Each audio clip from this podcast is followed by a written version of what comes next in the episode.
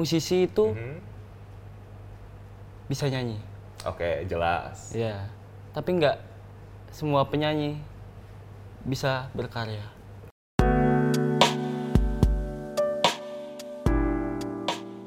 Halo semuanya, untuk episode The Felix Martua Series kali ini gue sudah bersama dengan Danar Widianto. Apa kabar Halo. Danar? Baik, alhamdulillah. Oke, gue rasa gue pengen mulai dengan pertanyaan paling gede dulu nggak apa-apa ya? Ya, Kan udah sebulan lebih ya sejak X Factor. ya betul. Dan sekarang Danar udah resmi jadi musisi profesional. Congratulations. Gue Makasih. penasaran sejauh ini ekspektasi sesuai nggak dengan realita? Sebenarnya aku nggak pernah yang berekspektasi terlalu tinggi ya. Hmm. Tapi kayak emang ngalir aja gitu. hmm. Jadi pas ikut kompetisi juga pertamanya juga kan iseng kan. Oke. Iya, terus kebetulan alhamdulillah maju terus ke babak berikutnya sampai jadi di titik sekarang ini gitu. Hmm. Sebenarnya lebih ke keberuntungan mungkin ya. Keberuntungan. Iya. Tapi begitu keluar dari X Factor dan kemudian udah berhadapan dengan label dan mulai persiapan single, apalagi promosi, pernah nggak ada momen ketika Danar mulai merasa, weh ini beneran, ini udah hidup gue ya sekarang, gue Iya, udah nggak kayak dulu lagi ya, Kaget. ada kagetnya. Ya kaget pasti kayak loh dulu gue gini nih. Loh kok sekarang gini ya gitu. Oke. Masih masih masih mungkin beradaptasi mungkin ya. Hmm. Gue penasaran, memang sejak dulu lo pengen menjadi musisi profesional, Jadi musisi. jadi musisi aja. Iya. Oke. Karena mungkin ke idealisan aku ya. Hmm. Aku dulu tuh malah kayak gini. Aku bikin karya nih. Hmm. Mau eh, mau orang suka atau nggak suka itu pilihan mereka. Hmm. Yang penting ini karyaku gitu. Dan kemudian lo memutuskan iseng-iseng Iya. buat masuk ke X Factor. Iya. Tapi kan di zaman sekarang ini udah banyak banget cara yang bisa ditempuh anak muda untuk masuk ke industri musik. Mereka bisa masukin musik mereka secara independen ke streaming platform Iya. atau bahkan mereka bisa langsung nge-approach label-label yang ada. Ah. Tapi lo memutuskan buat ikut ke kompetisi ini Iya. dan lo juga masuk X Factor dan bukan kompetisi yang lainnya kayak Indonesian Idol atau The Voice atau semacamnya. Ada alasan khusus nggak? Atau memang lo cuma ikutin naluri aja? Kebetulan lagi buka, oke lah kenapa enggak? iya sih. gitu. Lebih gitu kalau kenapa ikut kompetisi ini karena ya adanya ini gitu. Pas pas pas banget gitu kan ya. Oke. Terus eh kayak ternyata kebetulan juga X Factor kan yang dicari. Hmm, betul. Kalau idol kan lebih ke teknik-teknik. Hmm. Ya udah pastilah kalau Iya, iya. aku mungkin nggak proper di situ gitu. Hmm. Tapi kalau X Factor ini ke karakter kan ya, oh pas juga ya gitu. Terus kenapa aku nggak eh, apa namanya? Kenapa aku nggak rilis sendiri atau eh, independen gitu kalau Iya. orang sekarang bilang? Karena mungkin aku merasa masih kurang ilmunya gitu. Hmm. Aku masih eh, pengen cari-cari ilmu dulu, baru aku sebarkan. Oke, gitu. oke. Dari pengalaman lo di X Factor itu, kalau lo bisa memilih ya, Hmm. penampilan mana yang sangat lo banggakan? Bahkan sampai sekarang, eh keren juga ya gue bisa perform kayak gitu. Audisi. Oh yang audisi. Jadi Lagu bukan dulu. pas lo. Oke. Jadi audisi itu masih lebih berkesan daripada waktu lo perform di grand final. Paling berkesan itu. Oke. Kenapa? Kenapa? Karena pertama eh, membawakan lagu sendiri Ya, gue di banget. depan layar ka- eh, di depan layar kaca, eh, di depan layar kaca, di di televisi gitu ya. Itu nekat juga sih. Gue bilang lo nekat juga sih. Iya. Tapi kebetulan ini Factor itu ngebolehin eh, apa kontestannya untuk membawakan lagu sendiri. Jadi kayak wah, boleh nih di- dicoba gitu. Hmm. Lagu Tapi sendiri. kan risiko besar banget ya. Lo audisi dan lo memutuskan buat nyanyiin lagu lo sendiri. Hmm. Kalau lo bisa jujur sama gue nih, ketika audisi itu lo ada keinginan buat lolos nggak? Atau bener-bener kayak ah bodo amat lah, Iya. bodo amat banget. Udah amat banget. Kayak aku mikirnya udahlah audisi ke Jakarta habis nyanyi paling pulang gitu udah aku Ya, mikirnya gitu gitu, ya. pesimis positif Oke, lo udah selesai dari X Factor itu, Hmm. dan gua rasa ada pro dan kontra lah. Hmm. Sampai sekarang masih ada orang yang punya pandangan yang sinis mengenai lulusan talent competition. Iya. Masih ada yang berpendapat bahwa lulusan talent competition itu tanda kutip sensasi satu malam doang. Ah. Lo setuju atau enggak? enggak sih Hmm. Kenapa? karena mungkin kalau aku berkaca ke diri kau eh, diri aku sendiri ya kayak aku yang diharapin apa gitu kan Oke. kayak ya lu ya masih bagus yang lain lah gitu Hmm. suara juga masih berteknik yang lain lah Mm-mm. terus mungkin ya aku ketolong aku punya karya gitu sih Hmm. Kemudian lo memutuskan buat merilis lagu buatan lo sendiri Heeh. sebatas formalitas. iya Itu gak cuma jadi single kemenangan tapi juga jadi single perdana. iya betul Nah, sekali lagi gue pengen lo jujur sama gue.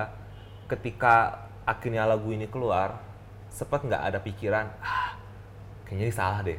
Aduh, masa sih? Aduh, yakin nih, ah, kira-kira orang-orang bakal suka atau enggak? Soalnya kan lo belum pernah kan nulis lagu dengan skala profesional sebelumnya. iya Ini kan kali pertama, ini perkenalan pertama lo banget di industri musik. Heeh. Sempat nggak ada pikiran seperti itu, kegelisahan seperti itu? enggak sih Nggak sama sekali? enggak karena mungkin ke bawah idealis yang dulu gitu ya kayak Oke. eh aku berkarya Hmm. tugasku berkarya mau orang mau suka atau enggak Mhm. itu pilihan mereka yang penting ini karyaku kalau suka ya syukur kalau enggak Mhm. aku nggak memaksa untuk suka gitu Hmm. karena apa ya selera orang kan beda-beda kan ya Mhm. dan aku mikirnya kan dulu itu banyak penyanyi yang suara bagus tapi nggak semua penyanyi punya karya Betul. gitu Nah, gue jadi penasaran nih. Sebenarnya lo melihat diri lo sebagai musisi yang jenis kayak gimana sih? Tadi lo sempat bilang kalau lo menganggap diri lo musisi aliran kiri. Mm. Bisa tolong jelaskan? mungkin karena genrenya ya Hmm. Lo memilih genre folk, Iya, pop folk, untuk pop, karya lo. Heeh. Kenapa? karena suka Apa yang bikin genre itu nyantok banget di hati lo? apa ya Soalnya kan biasanya anak-anak baru itu mau mengeksplor genre yang lebih mainstream, genre Ah. pop atau pop ballad. nah itu Tapi lo mau mengeksplor genre yang sampai sekarang masih masih kurang begitu mainstream. Mm-mm. karena aku suka genre itu lebih bercerita Oke. musik-musiknya lebih bercerita lirik-liriknya lebih bercerita gitu Dan siapa musisi favorit lo dari genre itu? Mas Iksan Scooter sih Oh, tetap ya siapa tuh siapa tuh? Mas Iksan Scooter itu eh, musisi dari Malang Mhm. dia kayak tipe Om Iwan Fals lah Oke. gitu dan musiknya bercerita misal dia bikin lagu tentang cinta gitu. Mhm. kalau apa ya musisi-musisi lain mungkin ya cinta tentang patah hati lah apalah apalah Hmm. tapi aku sukanya dari dia dia punya perspektif cinta itu dari Tuhan mungkin dari cinta itu matahari kepada rerumputan Oh yes. Eh, gue jadi Ikhlas, penasaran iya. tuh. Eh, judulnya cinta Harus itu adalah cek tuh. Hmm. Oke oke. cinta itu adalah cinta itu matahari kepada rerumputan ikhlas menyinari tanpa apa ikhlas menyinari dan teduh melindungi eh bukan lupa aku pokoknya tentang itulah tentang Oke oke. eh, cintanya Tuhan kepada kita gitu Hmm. Kemudian lo juga sempet bilang kalau lo juga mengagumi Jason Ranti dan Virsa ya Besari. ya betul Kenapa? ya itu Sama. sama sama. lebih bercerita dan mungkin banyak yang relate ya mungkin kalau musik-musik seperti itu kayak banyak hal-hal yang sepele diangkat Hmm. jadi orang tahu gitu Oh oke. Hal-hal yang biasanya sederhana. sederhana kayak gitu mungkin dangkal tapi Iya, dia betul. memberikan kedalaman ya Iya, betul. dalam karya dia. Mm-mm. Oke, mengenai sebatas formalitas. Waktu lo nulis lagu ini, apakah lo kayak duduk di kursi, lo siapin kertas, lo pikirin apa yang ada di kepala lo terus lo tulis atau Mm. lo cuman asal-asalan genjreng-genjreng gitar atau gimana? Yang pasti lo ngejain lagu ini pas lo masih di karantina ya Iya, di X. Factor. Mm. Kayak gimana ceritanya? aku nggak pernah nulis sih. Nggak nulis, nulis pakai pena gitu nggak ya? Nggak. Oke oke. Aku biasanya kalau emang bikin lagu, ya aku genjreng gitar, aku cari chord, terus aku cari nada, Hmm. langsung aku spontan liriknya. Liriknya spontan aja gitu. Keluar aja gitu dari Ya, keluar mulut aja. Kalau enggak karena ngeliat sekitar gitu ya. Hmm. Terus aku langsung rekam. Oke. Jadi kalau misal ada pergantian lirik, eh pergantian lirik apa? Salah lirik gitu Iya, ya. iya. Aku mau ganti, aku rekam ulang gitu. Hmm. Tapi yang menarik itu adalah gua notice lo punya telinga buat ngedeteksi oke kayaknya ini melodi enak deh. Soalnya lagunya catchy. Iya, lo kayak tahu cara bikin hook. Gue penasaran saat lo bikin lagu ini kapan lo tahu ketika oh kayaknya ini lagu enak deh. Kayaknya orang bisa nyanyi bareng deh sama lagu ini. Kayaknya ini lagu Apa ya? kayak kayak lagu di radio deh. aku nggak, aku nggak pernah Gak ini ada sih. feeling sama sekali. nggak ada feeling sih paling kayak gimana cara laguku beda dengan lagu yang lain misalnya kayak Oh. eh, nadanya beda apanya beda walaupun chordnya sama gitu ya Hmm. gimana caranya terus aku cari-cari tuh nadanya gimana gimana gimana Hmm. terus ya akhirnya nemu kalau emang lagi lancar ya lagi lancar inspirasinya akhir nemu, Iya. eh, akhirnya nemu terus kalau masalah lirik sih paling ini aku ngeliat sekitar ya kayak pas lagu sebatas formalitas itu Iya.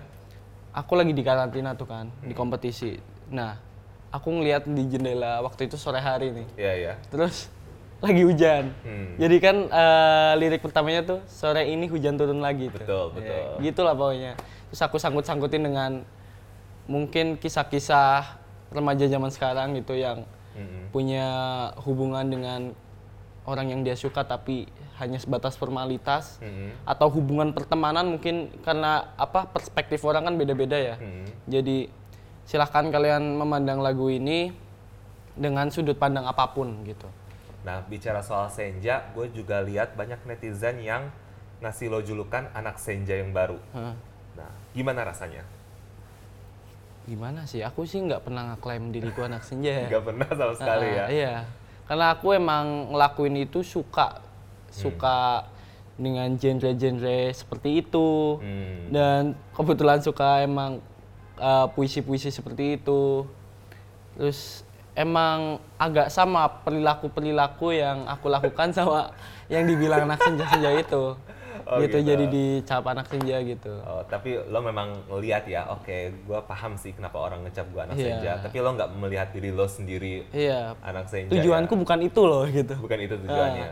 Tapi kalau misalnya lagu sebatas formalitas ini diputer pas lagi senja, nggak masalah kan? ya nggak masalah Nah, tapi lebih baik kalau lagi senja sholat maghrib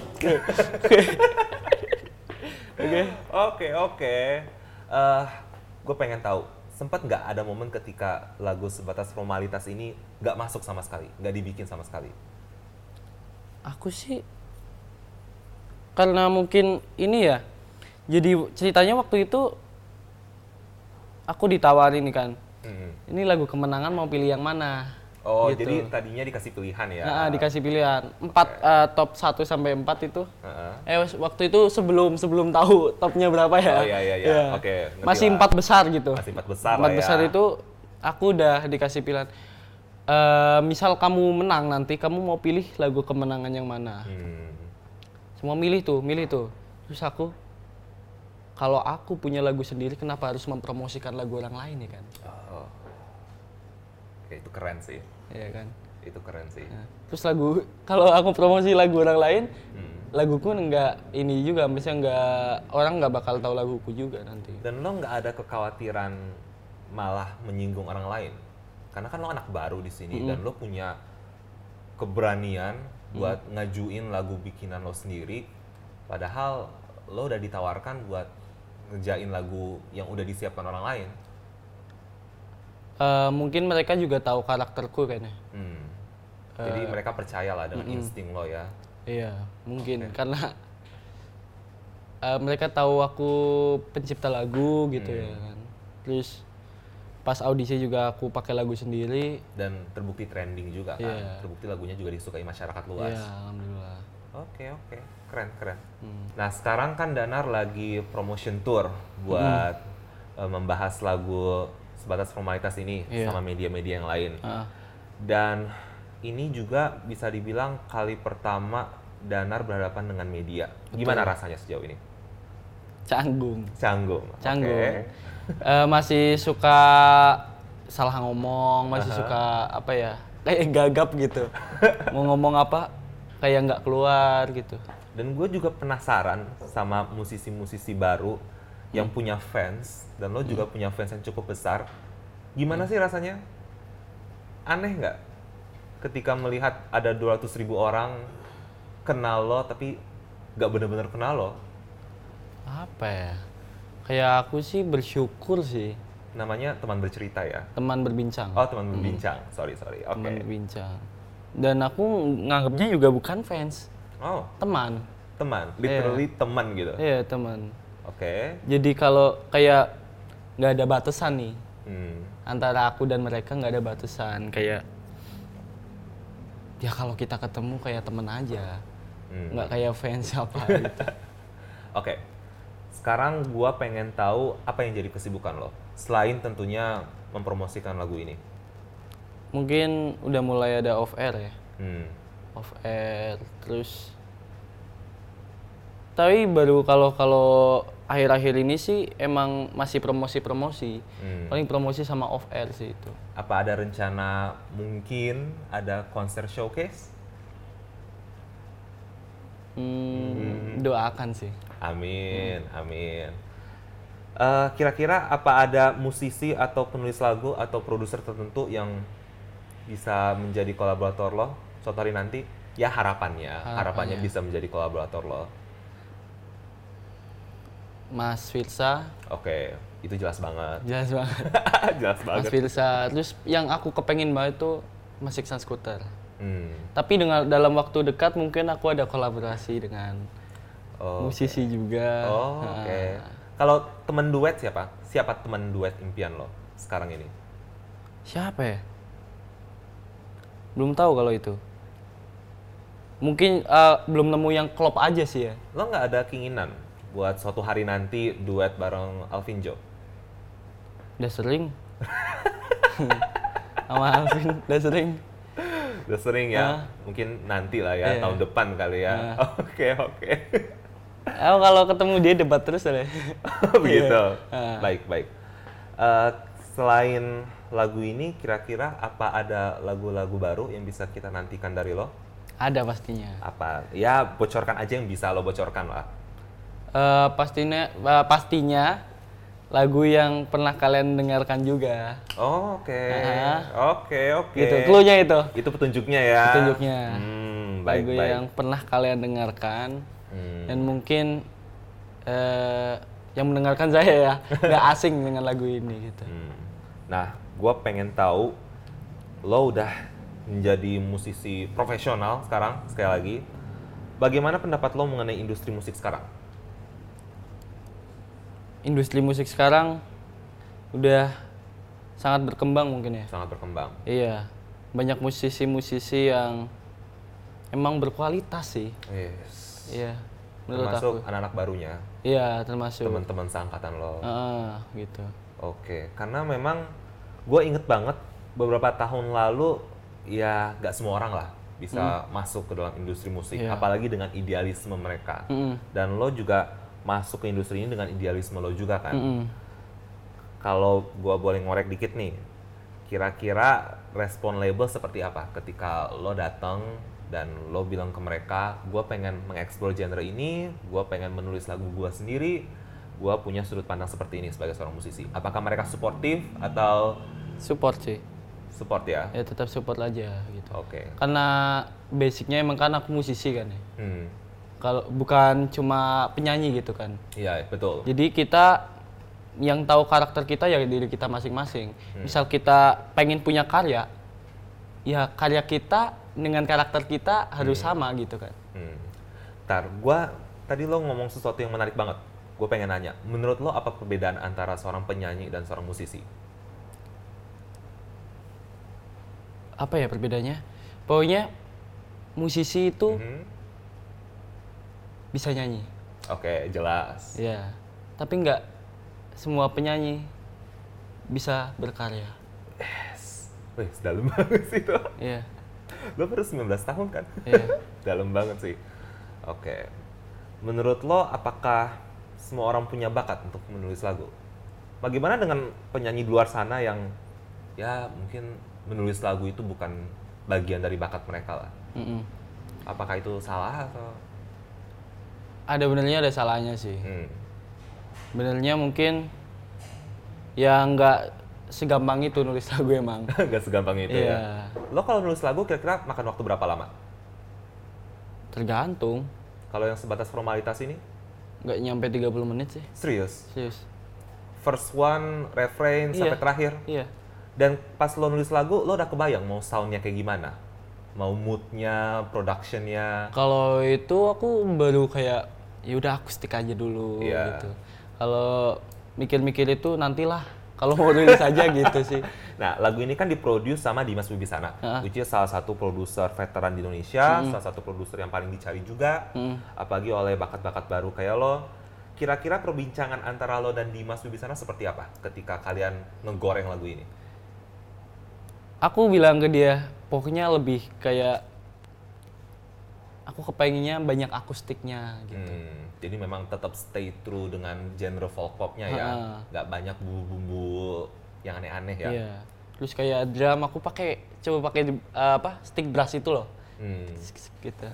Apa Dimas ngasih usul perubahan dari draft pertama atau memang lagu yang kita dengar ini sesuai banget dengan draft pertamanya? Enggak pas pas pertama aku dengar uh, apa aransemen dari dia, Mm-mm. Ya memang bagus. Hmm. Memang bagus aku nggak nggak bohong ya bagus ya nggak bohong. Nggak bohong. Oke. Emang bagus, tapi uh, belum aku banget gitu. Hmm. Mungkin kalau lebih ke akustik apa Iya. gitu. Dan apa ya? Apa sih ya? aku mikir jadi. Ya, apa-apa, nggak apa-apa. pokoknya eh the best lah Mas Dimas. The best ya. Iya. Kemarin aku minta ini minta itu. Oh, jadi. Hmm. Gitu. Dan berkat popularitas lagu ini juga, Heeh. nama lo makin mencuat di mana-mana. Ya alhamdulillah. Alhamdulillah ya. Gimana cara lo menyikapi popularitas lo sekarang? Karena nggak semua orang, apalagi dengan usia muda kayak lo ya, Ah. punya mental yang kuat untuk menyikapi Iya popularitas. Bahkan banyak orang yang takut gitu, bahkan buka HP, buka media sosial aja takut, takut dapat DM yang aneh-aneh, Tapi kalau aku emang jarang pegang HP sih. emang jarang pegang HP. Iya, bukan bukan malas buka sosial media ya. Hmm. Emang jarang pegang HP. Kayak Oh. misal aku nongkrong ya aku taruh HP-nya. Kalau aku ngobrol aku taruh HP-nya. Kalau enggak aku di jalan aja, Mm-mm. aku titipin ke adekku HP-nya. Oke. Iya, jadi jarang. Eh, pada banyak yang bilang, ah Daner kurang ini nih. Kurang interaktif. Iya betul. Sosmednya kurang jalan gitu. Hmm. Ya memang. Tapi Hmm. alasannya karena aku emang tipe orang yang jarang pegang HP gitu. Tapi menurut lo jarak seperti itu dibutuhkan nggak? Jarak seberapa? Ya, lo kan basically menjaga jarak antara lo dan dunia luar sana. Nah, Menurut lo jarak seperti itu dibutuhkan nggak? Menurut lo jarak seperti itu sehat nggak buat lo? kalau aku sih oke-oke aja sih. Oke-oke aja. Iya. Karena emang aku bukan orang yang sosial media banget kan ya. Hmm. Pertama. Iya, terus Lo nggak terlalu pantengin jumlah follower lo naik atau turun? betul. Jumlah akun follower fanbase lo naik atau turun? Iya, Lo betul. nggak nggak terlalu nggak pernah mikirin mengenai hal Iya. kayak gitu ya? tapi emang suka ngecek aja, ngecek itu. Hmm. Terus kalau aku emang butuh privacy juga sih. Privacy. Pasti, Iya. pasti. Nah. Butuh privacy. Sekarang lo lagi sibuk mempersiapkan karya-karya lain juga. Betul. Gue pengen tahu di brankas lo sekarang udah ada berapa sih lagu yang udah lo tulis, yang udah lo coret-coretin? Udah lumayan sih. Lebih 100 dari nyampe? Enggak dong. Enggak. belum belum. Iya. Otakku belum nyampe segitu. Belum nyampe ke Iya. situ. Mungkin delapan lebih mungkin ya. Udah 8 lebih. Iya. Kira-kira kalau lo membayangkan diri lo lima tahun ke depan, apa yang pengen lo capai? Album. album. Oke. Ada keinginan buat konser senasional juga? Ada lah. Ada. pasti. Oke. Terus kalau 10 tahun lagi Apa ya? Memperbanyak album ya. berbanyak album. Ya pokoknya aku kepengen eh, ini aja jadi eh, motivasi Hmm. eh, buat mungkin anak muda anak muda lain gitu. Iya, iya. untuk aku aja bisa berkembang karena karya gitu. Hmm.